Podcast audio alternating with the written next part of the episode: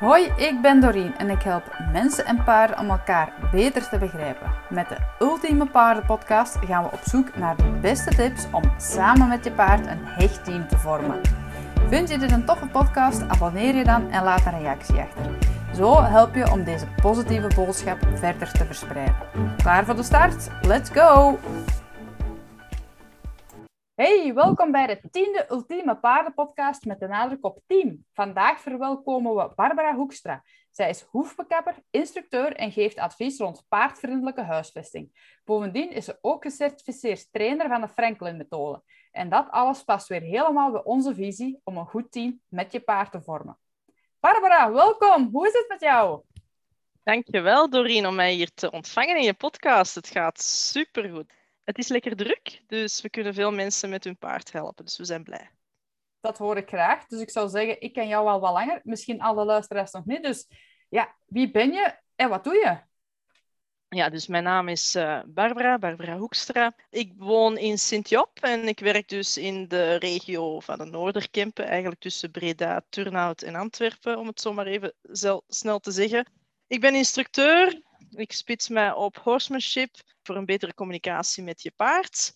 Maar mijn grote passie is hoefbekappen. Ik uh, bekap al sinds ja, pak een beetje 2013, 2014 hoeven van paarden. En gaandeweg werd dat steeds meer en meer paarden.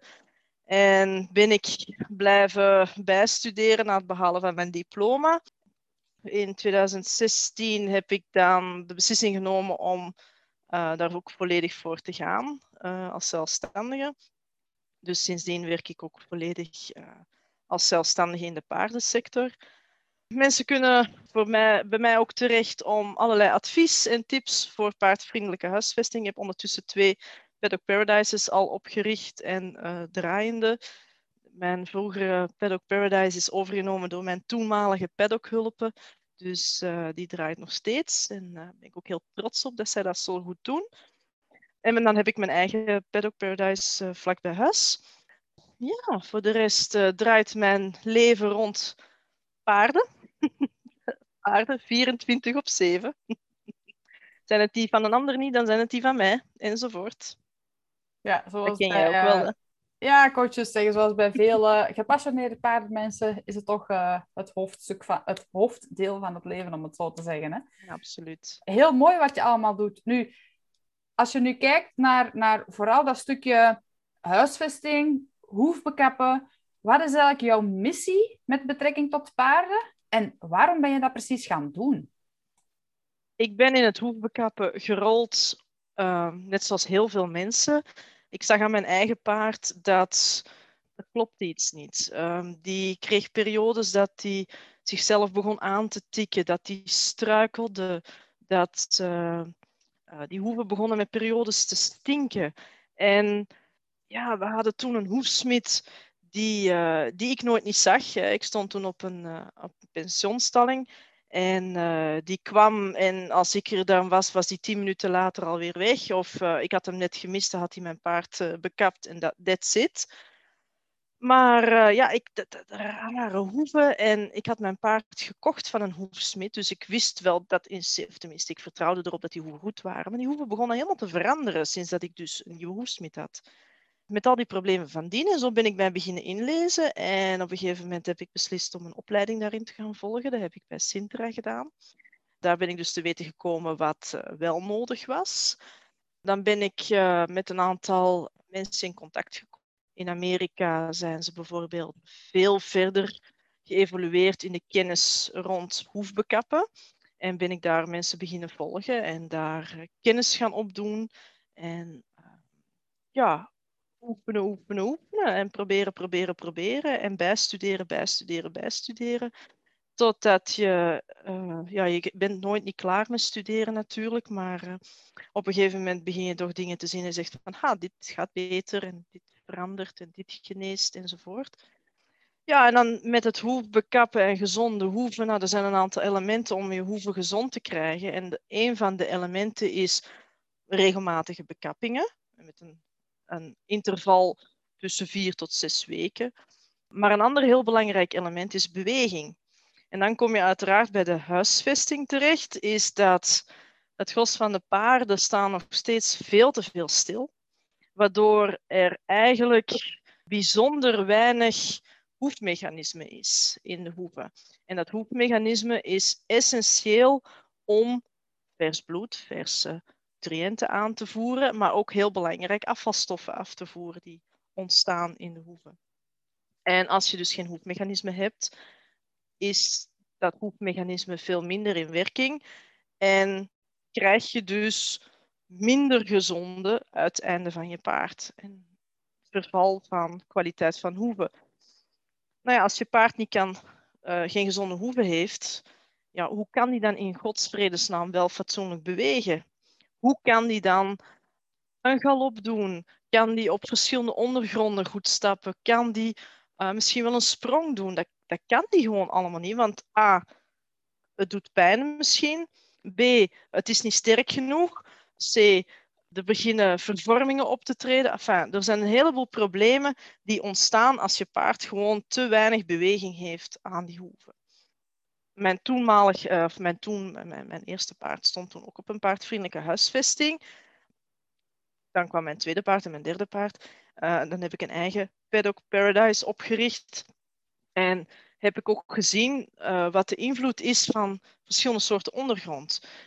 De originele stalling waar ik stond had een heel ander soort type structuur ondergrond dan mijn nieuwe.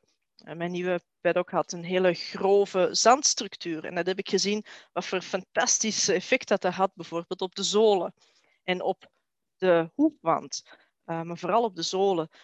Ik liep daar ook veel meer op heel andere soorten paden wat minder op asfalt, meer op uh, verhardingen. En zag ik wat dat deed met de hoefband, hoe sterk dat die werd en hoe hard die zool werd. En dat is dus ook iets wat ik altijd meegeef bij de mensen, van laat je paard niet alleen maar op die paddock staan of op die wei staan. Ga daarmee buiten. Loop op asfalt, ga op zand, ga een keer op gras, ga op een verhard pad. Wissel af. Ik vergelijk het altijd als je zelf, wij, zelf mensen lopen meestal op schoenen. Laat ons nu buiten lopen, doe je schoenen uit en sta, stap de straat op, dan loop je heel gevoelig. Au, au, au, au, hè, want je hebt niks van eelt. Doe dat drie weken en jouw voeten hebben zich aangepast. Spieren zijn wat versterkt. Je hebt eelt gevormd, dus dan ga je er al veel beter tegen, tegen kunnen. Dat is hetzelfde met paarden. Laat een paard altijd op een vochtige, zachte ondergrond staan. Dan gaat hij wellicht mogelijk moeite hebben met een steenslagpad. Dus verschillende typen ondergronden is ook heel belangrijk. Dus dan kom je weer op die paardvriendelijke huisvesting. Nog een hele belangrijke is uh, gezonde voeding voor een paard. Ruwvoer, gezonde kwaliteit ruwvoer. De paarden die bijvoorbeeld heel veel krachtvoer krijgen, die pik ik er aan de hoeven zo uit. Dat kun je zien. Paarden die constant krachtvoer krijgen, te weinig ruwvoer, hebben een slechte kwaliteit zool, hebben vaak ook een slechte kwaliteit hoefwand, zijn ook vaak indirect paarden die uh, minder beweging krijgen, waar dat ook nog eens een extra slechte invloed heeft op hoeven. Dus voedsel, ook erg belangrijk, ruwvoer, erg belangrijk, kom je ook weer op dat paardvriendelijke huisvesting. Dus voor mij staat een gezond paard via de hoeven onlosmakelijk verbonden met paardvriendelijke huisvesting. En eigenlijk kunnen we zeggen, Barbara, bekijk de hoef van mijn paard en vertel mij hoe gezond mijn paard is of hoe mijn paard erbij staat. Hè? Dat je zegt van aan die hoef kan je eigenlijk zoveel zien, niet alleen qua voeding, maar ook qua beweging. Dat is wel heel boeiend. Wanneer weten mensen nu bijvoorbeeld, of kan je uitleggen, want je kan natuurlijk nu geen foto's tonen, maar kan je uitleggen hoe mensen een slechte hoef herkennen wanneer dat het belangrijk is dat ze iets doen aan voeding of huisvesting of eventueel een andere hoefbekapper zoeken. Wanneer kan je zeggen van, oké, als je dat ziet of je hebt die symptomen, dan wordt het tijd om iets te veranderen.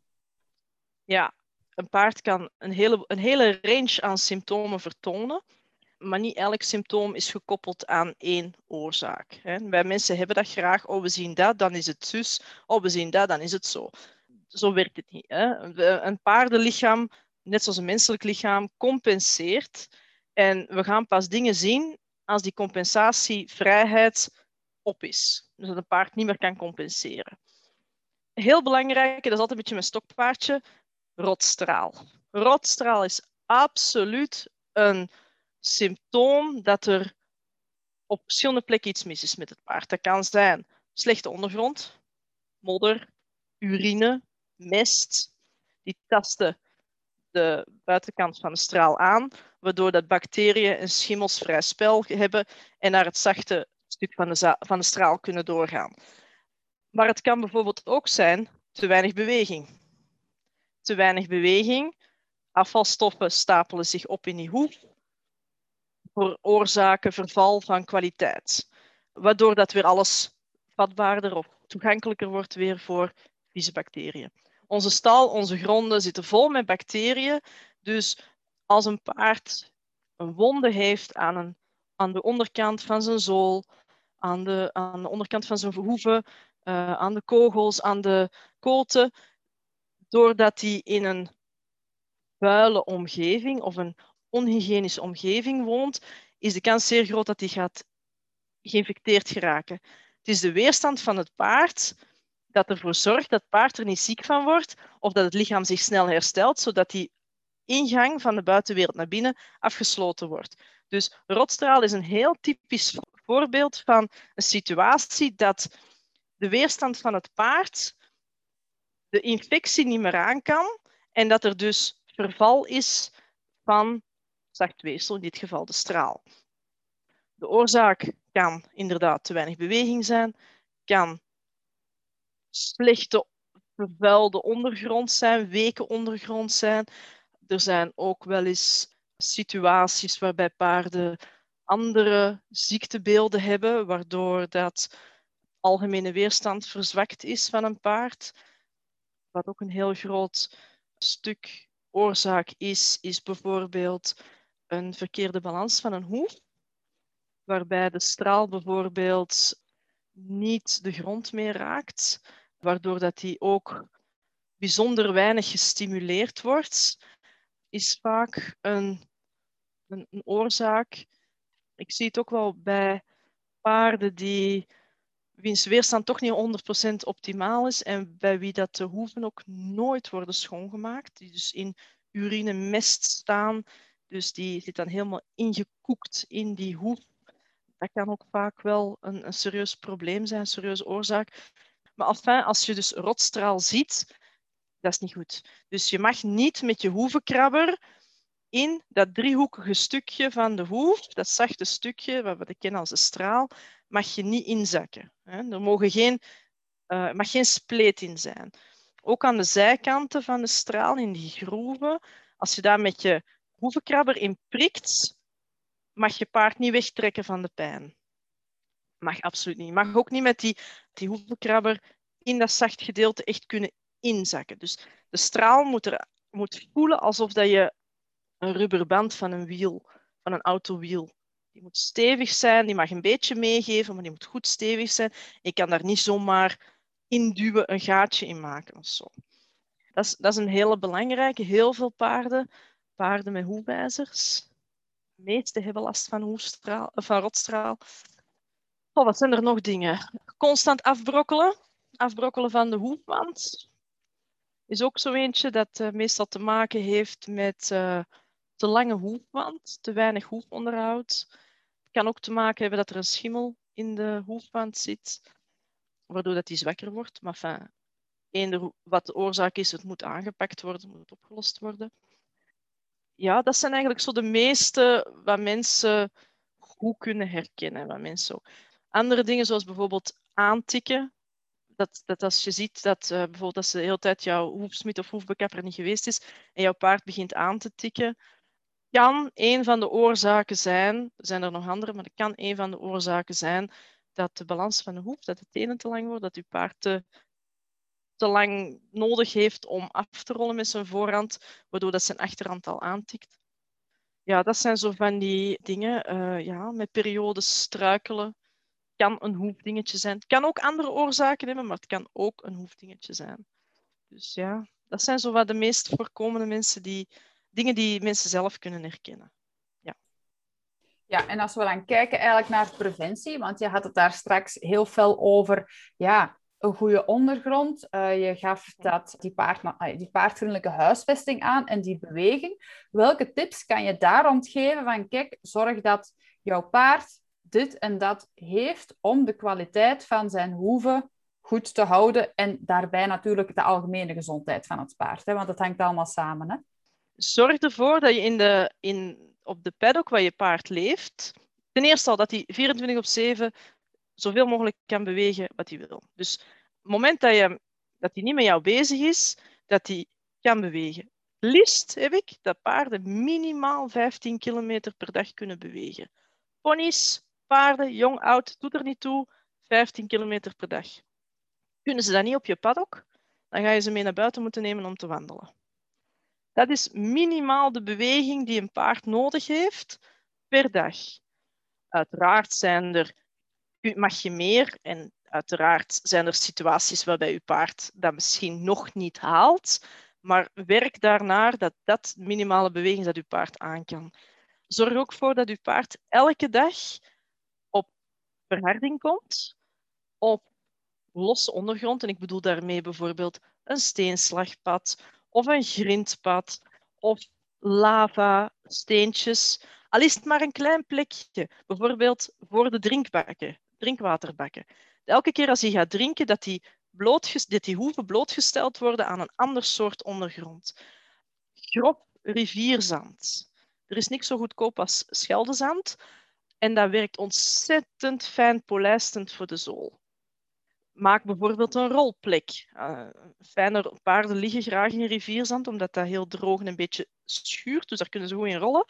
Laat, als ze daar elke dag komen, gaan ze dat effect ook op de hoef zien. Uiteraard mogen ze op gras komen. Probeer te voorkomen dat ze uren in de modder staan.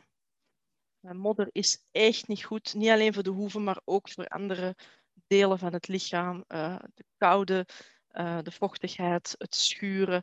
Het, uh, het geeft allemaal een bron van problemen. Laat ze ook niet in, in stal, als je dus een schuilstal hebt, laat, laat ze dan liever op een droge ondergrond staan dan op stro, waar dat dan weer urine of mest in blijft hangen. Mest en urine is echt niet goed voor dus, dus de hoekkwaliteit. Uh, mest en urine zijn veel te zuur, dus dat tast aan. Dus zorg voor proper ondergrond, ook zo paddocks die nooit worden uitgemest zie ik heel vaak paarden met rotstraal en mok en dat soort van die weerstandsproblemen. Dus mist uit. Verschillende ondergronden, elke dag en minstens 15 kilometer beweging. Voilà. En dan heb je eigenlijk niet alleen gezonde hoeven, maar je gaat ook een, een mentaal gezond paard krijgen. Want die komen aan hun trekken. En uiteraard, ja, de ruwvoer niet vergeten. Paard moet minstens 20 uur per dag kunnen eten. Dus uh, slow feeders everywhere, laat hem maar lekker bewegen. Ja, dat zijn zeker goede tips met betrekking tot ja, preventie en jouw paard gezond houden. Want ja, om een goed team te kunnen zijn met je paard, is het natuurlijk leuk dat je paard fysiek en mentaal ja, goed in zijn vel, vel voelt. Nu, we mhm. zijn net al uh, een tijdje ingegaan op inderdaad het, ja, het, het fysieke aspect, het lichamelijke aspect van de paarden, de hoeven en, en ja, hoe je ze paardvriendelijk houdt, wat ze eigenlijk nodig hebben om zich goed te voelen. Als je dan nu combineert, want je bent dan ook nog instructeur, wat is voor jou in het geheel een hechtteam zijn met jouw paard? Wat is daar voor jou een voorbeeld van als je nu naar jouw eigen paard kijkt? Ja, je hebt absoluut gelijk. Hè. Ik vind je kunt ook alleen maar met je paard werken als hij gezond is, mentaal en fysiek. Hè. Dan pas heb je eigenlijk het recht om dingen van hem te vragen. Dus eh, dat is net zoals wij ook. Wij krijgen ook ziektedagen als we ziek zijn op het werk of op school. En dan mogen wij ook thuis blijven om uit te zieken en wordt er ook niks extra aan ons gevraagd. Dus dat is bij paarden net zo eerlijk, eerlijk gezegd. wat voor mij het, het, het meeste uh, team gevoel geeft met mijn paard als ik eigenlijk zonder woorden, met wat lichaamstaal, dat dat eigenlijk vaak maar één blik genoeg is, dat mijn paard, waar ik op dat moment mee bezig ben, weet wat ik bedoel en daar zo in meegaat. En dat kan soms zijn dat ik bijvoorbeeld op de paddock loop en ik loop naar een weide en mijn paarden, ik heb verschillende paden op mijn paddock, en mijn paarden staan bijvoorbeeld op een ander pad dat ik eigenlijk gewoon met mijn blik hun blik kan vangen door mijn houding even op te richten en dat ik kan wijzen naar welke weide dat ik aan het stappen ben en dat zij in volle galop naar ginder vertrekken. Dat vind ik heerlijk. Dat, dat, dat is teamwork. Maar dat kan ook bijvoorbeeld zijn dat ik als op, op de paddock kom en uh, ik, ik moe na een dag werken of zo, dat, dat ik eigenlijk, ja, en ik, bijvoorbeeld dat ik nog iets moet doen, uh, bijvoorbeeld zeg maar van uh, een zalfje smeren of, of, of, uh, even de paarden nakijk, dat ik geen halster moet gaan halen en een touw, maar dat zij gewoon weten van, oh ja, die komt ons even checken, dat ik gewoon even langsloop, voetjes even optil, is alles in orde. En dat zij gewoon lekker ontspannen meewerken. Dat is ook fijn. Dat is super fijn dat die dat allemaal heel gewoon en fijn en oké vinden dat ik dat kon doen. Dat is ook iets wat dat ontzettend fijn uh, als team. Dan voelt u een deel van de kudde en dat is plezant. Ja, dat is, dat is het ware, denk ik. Ja. Ja. ja, absoluut. Het zit soms echt in die kleine, simpele dingetjes hè, die het zo mooi maken. Hè? Ik ben het er helemaal mee eens. Ja. Ja. Ja. Nu, als je kijkt naar uitdagingen, bijvoorbeeld die je bij klanten ziet, wat is de grootste uitdaging die je al hebt ervaren en hoe heb je die opgelost? En dat kan waarschijnlijk gaat dat bij jou een combinatie zijn van het fysieke aspect met het trainingsaspect of, of vooral huisvesting.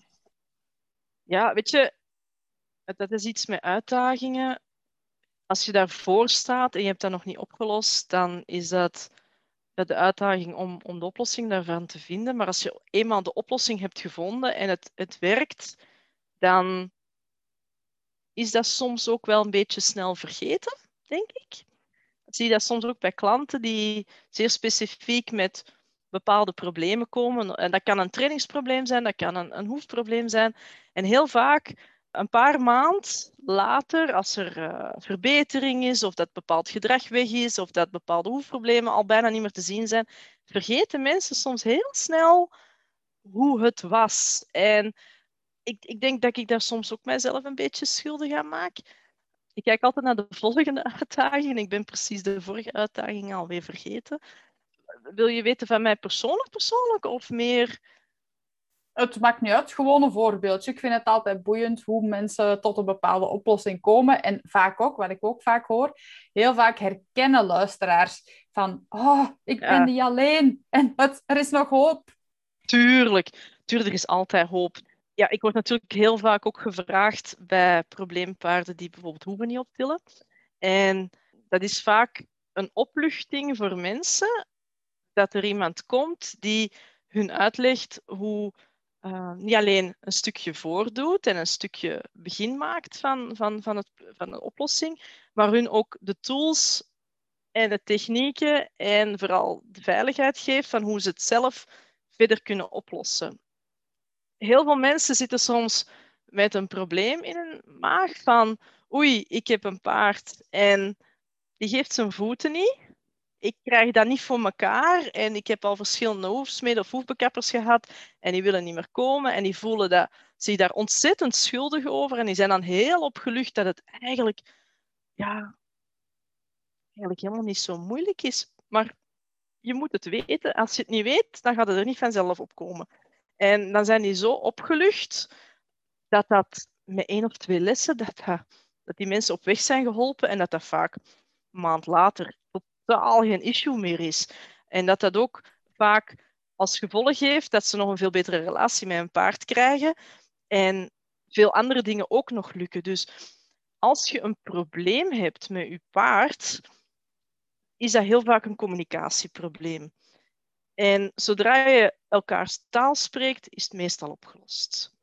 Dus het is helemaal geen schande om hulp te vragen. Dat kunnen we gewoon doen. Ik doe dat soms ook nog altijd. Als ik met iets zit, ik denk, hoe zou ik dat nu eens op, uh, oplossen? Heb ik collega's waar dat ik het mee kan bespreken.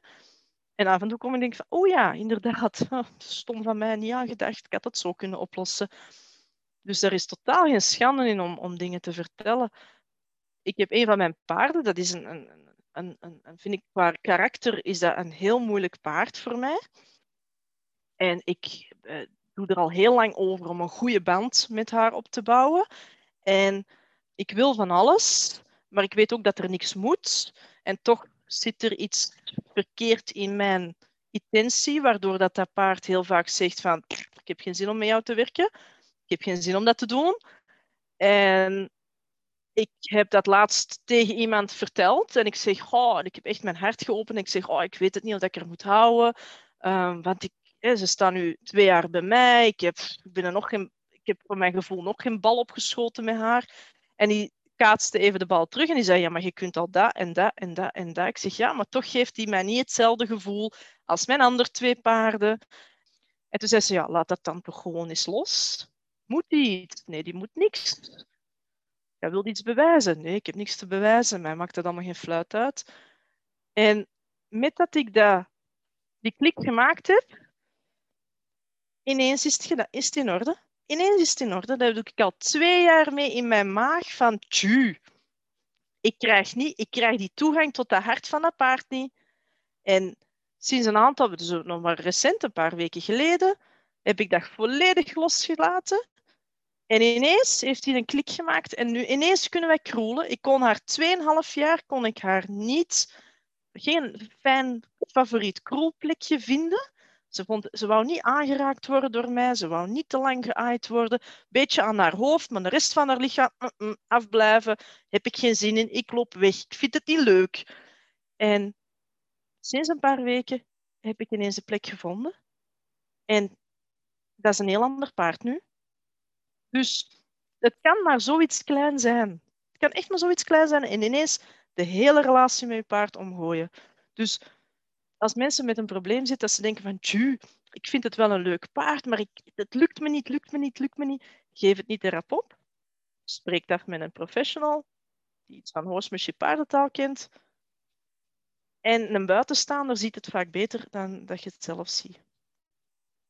Absoluut, want zelf zitten we er toch met onze emoties ook, hè, zoals je net zegt. Van, hè, je pakt het voor een stukje ook persoonlijk, ook al hoeven we dat bij paarden niet te doen, want ze hebben geen dubbele agenda. Maar het is soms inderdaad, die afstand kunnen nemen als je zelf de eigenaar bent van je paard, is soms ook wel een uitdaging. Dat vind ik persoonlijk ook wel. En ik ben heel blij dat je ook zegt van dat sommige dingen waar mensen al lang mee zitten, dat die inderdaad soms op zo'n simpele manier op een korte tijd kunnen opgelost worden. dat is ook iets dat ik altijd predik van mensen. Als je met die, ik noem dat dan vaak die dagelijkse irritatie zit, zoals niet stilstaan bij opstappen, jou, naar de jou verder sleuren als je naar de wei gaat, happen en die dingen, dat kan je eigenlijk zo vrij snel oplossen als je, zoals je zegt, weet wat je moet doen, hoe dat je het oplost. En als je het ook doet, want daar zit het dan vaak. En dan denk ik van, spendeer er een paar sessies, een beetje tijd aan en je bent er voor de rest van je leven eigenlijk vanaf. Terwijl sommige mensen willen dan die tijd er niet aan spenderen en dan blijf je ermee zitten, maar op lange termijn verlies je dan veel meer tijd. Dus ik ben zo blij dat jij dat ook nog eens gezegd hebt. Dat ze dus van iemand anders horen. Ja, dat is ook gewoon zo. Dat, en, en, en heel veel frustraties van ons zijn eigenlijk soms ook wel een vertaling van de frustraties van het paard. Hè? Want uiteindelijk, een paard is ook een, een groepsdier, dus die zijn ook heel goed in staat om onze emoties te voelen. Ze gaan dat op, misschien op een andere manier interpreteren dan wij ze bedoelen, maar ze voelen dat er hè, iets met ons aan de hand is en ze, ze interpreteren dat als prettig of niet prettig. Hè. Paarden zijn nogal zwart-wit, dus die gaan dat leuk vinden of niet leuk vinden maar ook vanuit om eventjes terug de link te maken met huisvesting. Ik zie ook zo vaak paarden. Eh, het lukt niet altijd, maar veel van mijn klanten hebben na een paar lessen ingezien dat waar dat ze met hun paard wonen, niet de geschikte huisvesting is voor hun paard. En het moment dat ze hem verplaatsen naar een paardvriendelijke huisvesting, dat er zoveel problemen minder zijn. Want ook, het kan ook dus wel degelijk zijn dat een paard gefrustreerd is in zijn leven omdat hij niet aan zijn paard zijn toekomt. Hij, hij kan niet genoeg bewegen, hij heeft niet genoeg sociaal contact, hij heeft te weinig ruwvoer. Dat zijn zulke belangrijke, belangrijke aspecten voor ons paard om gelukkig te zijn. En als hij dat niet heeft, dan kan dat ook effect hebben op zijn zijn, hè, op zijn emotie en gefrustreerd zijn, wat dan weer effect heeft op jou. Jij wordt gefrustreerd, hup, nog meer op. En dan krijg je een vicieuze cirkel, wat heel moeilijk is om te doorbreken. En zeker als je op klassieke stalling staat of op manages waar ja, dat je soms ook heel. Het gebeurt gewoon. Mensen beoordelen elkaar heel snel. En dan is het soms heel moeilijk om uit die vicieuze cirkel te komen. En ja, de beste kapitein staan altijd aan wal. Dus ik heb het ook al meegemaakt en ik heb het ook al heel veel gezien dat mensen in een piste, in een gevecht met een paard bezig zijn en heel vaak met hunzelf ook. En dat er langs alle kanten goed bedoelde raad wordt geroepen, waardoor dat het vaak nog erger wordt of dat het gênanter wordt of dat mensen zich beginnen schamen. En huur gewoon een goede professional in en laat u daarin begeleiden. En heel vaak is het maar één of twee lessen waarbij dat je gewoon zoveel verbetering hebt. En huis, als je de huisvesting aanpast naar een paardvriendelijke huisvesting, dan, heb je vaak, dan, kom, dan zie je pas wie je paard echt is. En paarden zijn fantastische dieren. Er is geen enkel slecht paard. Dat is er niet. Staat niet. Dat zeg ik ook altijd. Er zijn geen probleempaarden. Er zijn enkel paarden die in probleemsituaties hebben geleefd of die probleemsituaties hebben ervaren. Uiteindelijk is het gewoon een reactie op hetgeen wat ze hebben geleerd of wat ze hebben meegemaakt. Hè? En wat je zegt inderdaad, van, ik heb het inderdaad al heel veel voorbeelden gezien van paarden die helemaal veranderen in de positieve zin. Als ze bijvoorbeeld van een ja, manege, huisvesting, hè, hele dag in een stal, zonder dat sociaal contact, zoals je zegt, gaan, naar leven in een kudde. Dat kan gewoon zoveel doen. Eigenlijk is dat uiteindelijk alles wat is dat uiteindelijk al hetgeen wat paarden willen. Hè? Die willen gewoon paard zijn. Die willen lopen, die willen spelen, die willen vriendjes, die willen rollen. Om er vuilst binnenkomen, bij wijze van spreken. Dus ja, paarden hebben niet zo nodig om gelukkig te zijn, eigenlijk. Hè? Nee, nee, nee. Dus alles wat wij doen met paarden is puur voor ons eigen plezier. Dus het is onze verantwoordelijkheid om dat op zo'n leuk mogelijke manier en zo'n paardvriendelijke manier te doen, zodat ons paard er ook iets aan heeft. Dat hij ook denkt van, allee, het is toch nog wel plezant met, met dat mens. Hè? Ja, dat is belangrijk. Want uit zichzelf zijn die niet geïnteresseerd om een koers te lopen of een dressuurmanoeuvre te doen voor een kwartier lang of een, of een, een springparcours te lopen. Dat komt in de natuur wel eens voor dat ze in een interactie een piaf doen of dat ze een sprong nemen over een boomstam, maar niet in, met de intentie en de duur dat wij het allemaal van hun vragen. Dus wij moeten heel veel bieden, waardoor dat een paard zegt van ik wil dat wel doen. Dat is goed. Ik vind dat ook. Dus als ik dat doe, weet ik dat het voor mij ook opbrengt. Want uiteindelijk, daar, zo denkt een paard. Die doet dat niet om... Allee, dat, is, dat is ook geen liefdadigheidsinstelling, een paard. Hè. Dat, die telt ook gewoon zijn bankrekening van ik wil, hè, wat, levert het mij op? Het levert mij misschien uh, een lekkere beloning op, of het levert mij rust op, of het levert mij een kroelsessie op, of ik vind het uh, interessant uh, om het te doen. Hè. Het wordt mentaal getriggerd. Is zoeken wat, wat welk paard, wat, wat, wat elk paard eigenlijk graag wilt, en daar moet je mee werken. Maar eigenlijk wil het paard alleen maar gewoon in een kudde staan, rondvrij bewegen en 20 uur per dag kunnen eten. That's it. En dan heb al een gelukkig paard. Zo makkelijk is het eigenlijk. Ja. ja, inderdaad. Ik probeer de mensen er ook altijd attent op te maken van als ze, als ze een paard hebben dat niet wil meewerken of waarvan als ze zeggen van mijn paard heeft daar geen zin in, probeer ik ze altijd te laten denken hoe zou jij jou voelen in jouw paard zijn schoenen? Hoe, wat zou jij nu willen? Wat zou jij nu voelen? En als je gewoon dat al probeert om je in te leven in je paard, en dat is iets wat, dan, wat, dan, wat ik dan vrij goed kan, om dat over te brengen aan de mensen, ja, dan vallen er ook wel vaak kwartjes hoor. Nu, ja. je hebt al heel veel nuttige tips gegeven. Als ik nu kijk van, je bent ook heel veelzijdig in jouw kennis en in je ervaring. Wat is met jouw zaak eigenlijk jouw paarddoel? Wat wil je eigenlijk bereiken? Ja, dat vind ik eigenlijk een hele moeilijke, terwijl het eigenlijk een hele simpele zou moeten zijn. Want als ondernemer moet je altijd een heel goed businessplan en een visie en een missie hebben. Het is, het is inderdaad als instructeur, als hoefbekapper, als adviseur van paardvriendelijke huisvesting.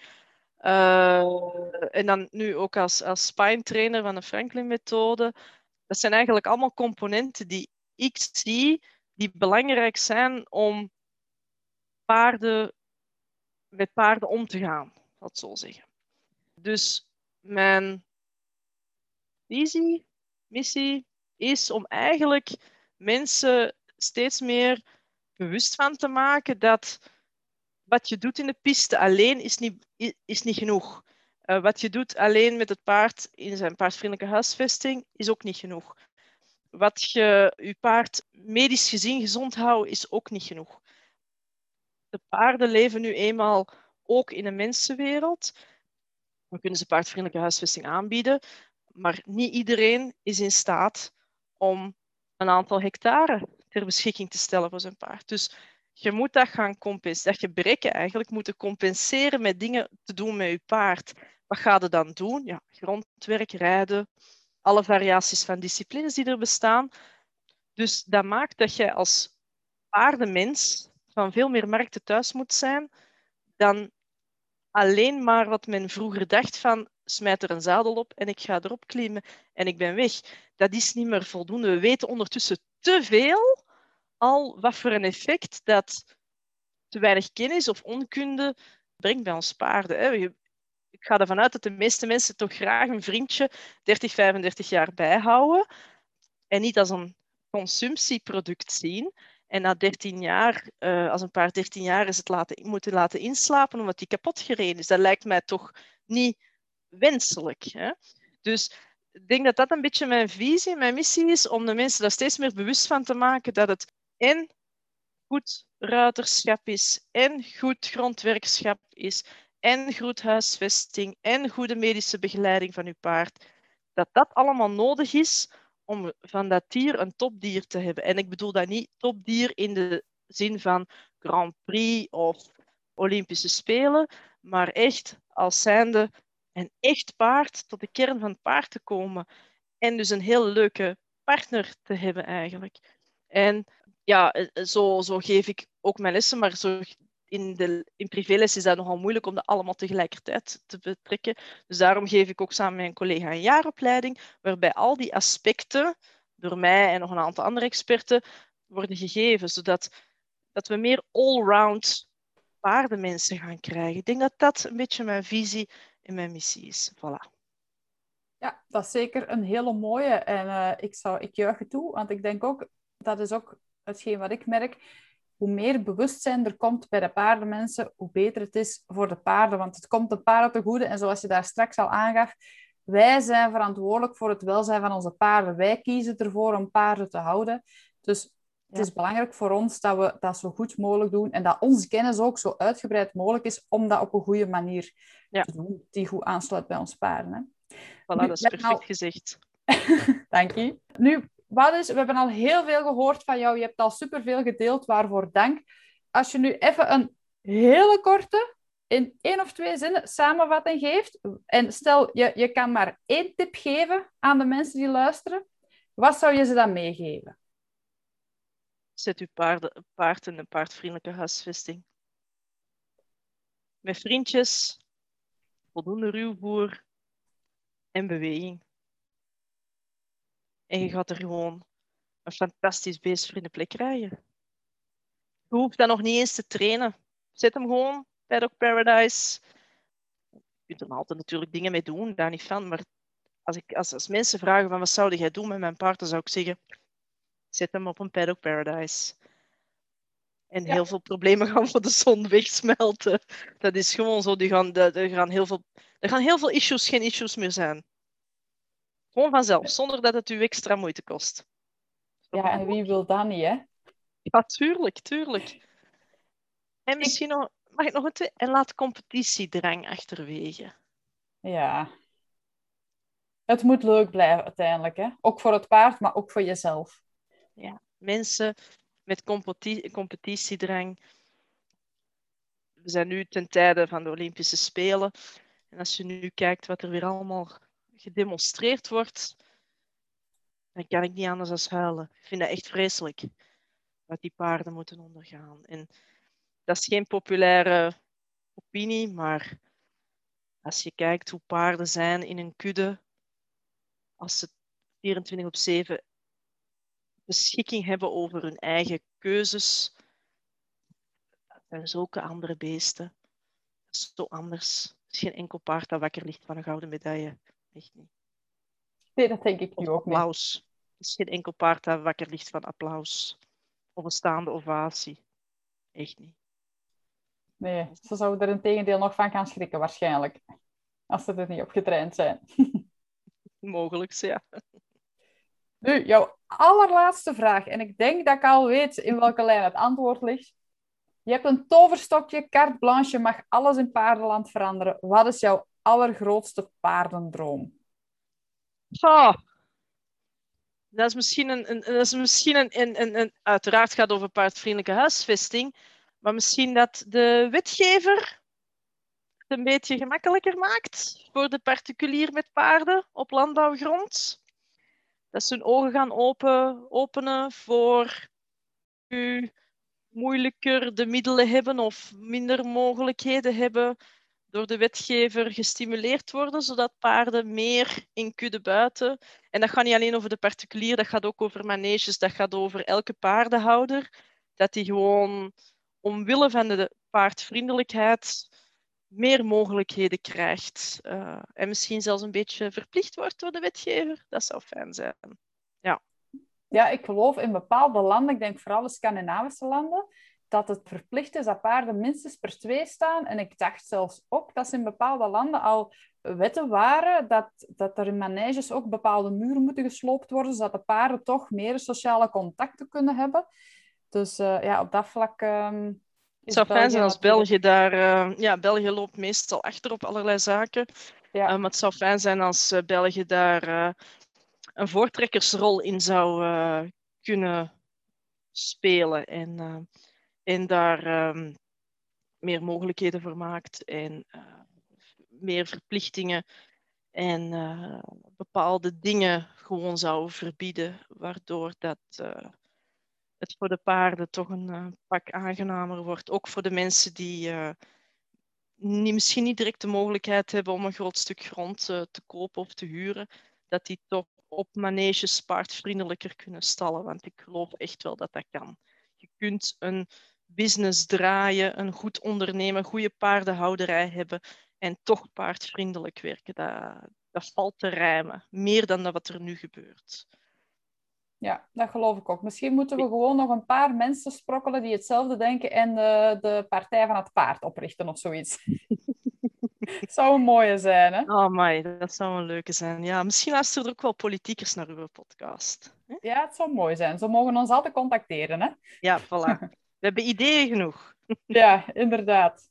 Maar tijd te kort, want we moeten gaan afsluiten. Barbara, ik vond het ontzettend boeiend. Super veel dank dat je bij ons te gast was vandaag en met alles wat je hebt gedeeld. En ja, ik zou zeggen, misschien moeten we nog eens een keertje een vervolg aan breien, want we kunnen nog uren praten over paarden. Maar ik vind het echt ontzettend leuk dat je alles hebt gedeeld, zoveel tips. En eh, ik denk, ik hoop dat de mensen er mee aan de slag kunnen, voor zover dat het ja, in de mogelijkheden ligt natuurlijk. Hè? Want inderdaad, niet alles is, is helaas mogelijk. Maar we hebben toch al veel tips om mee aan de slag te gaan, denk ik. Hè?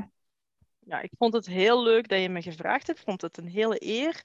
Dus, eh, en ik ben ook heel blij dat er een Vlaamse eh, podcast is over paarden. Er zijn er al zoveel Engelstalige en anderstalige. En, eh, dus het was echt super leuk om te ontdekken dat er een Vlaamse is. En ja, ik heb tot nu toe eh, al heel wat afleveringen geluisterd. Dus ik raad het ook de luisteraars aan om alle andere afleveringen ook te luisteren. Want het is bijzonder interessant en leuk. En eh, als je in de auto zit, is dat een heerlijke afleiding. Ja, absoluut. Dank je wel. Dankjewel. Ik zou zeggen, we gaan elkaar zoveel mogelijk helpen in onze missie om ja, Vlaanderen, België en de wereld paardvriendelijker te maken. Hè? Dus nogmaals, dank je wel voor je bijdrage. Graag gedaan en jij ook bedankt. In de volgende podcast verwelkomen we een nieuwe gast. Ben je benieuwd welke tips deze geheime gast ons brengt? Luister dan ook naar de nieuwe aflevering van de Ultieme Paardenpodcast. Dankjewel om te luisteren naar deze podcast en ik hoop van harte dat je ervan genoten hebt. Het is mijn missie om mensen en paarden te helpen om elkaar beter te begrijpen en om samen een hecht team te vormen. Wil jij ontdekken wat mijn geheim is om goed te zijn met en voor paarden? Download dan mijn digitale gids via mijn website dorinlambres.com. Vond je dit waardevol? Deel dan deze podcast, volg me op Instagram of Facebook en abonneer je op mijn YouTube kanaal. Zo zorgen we samen voor een mooiere wereld voor onszelf en onze paarden. Bedankt en tot binnenkort!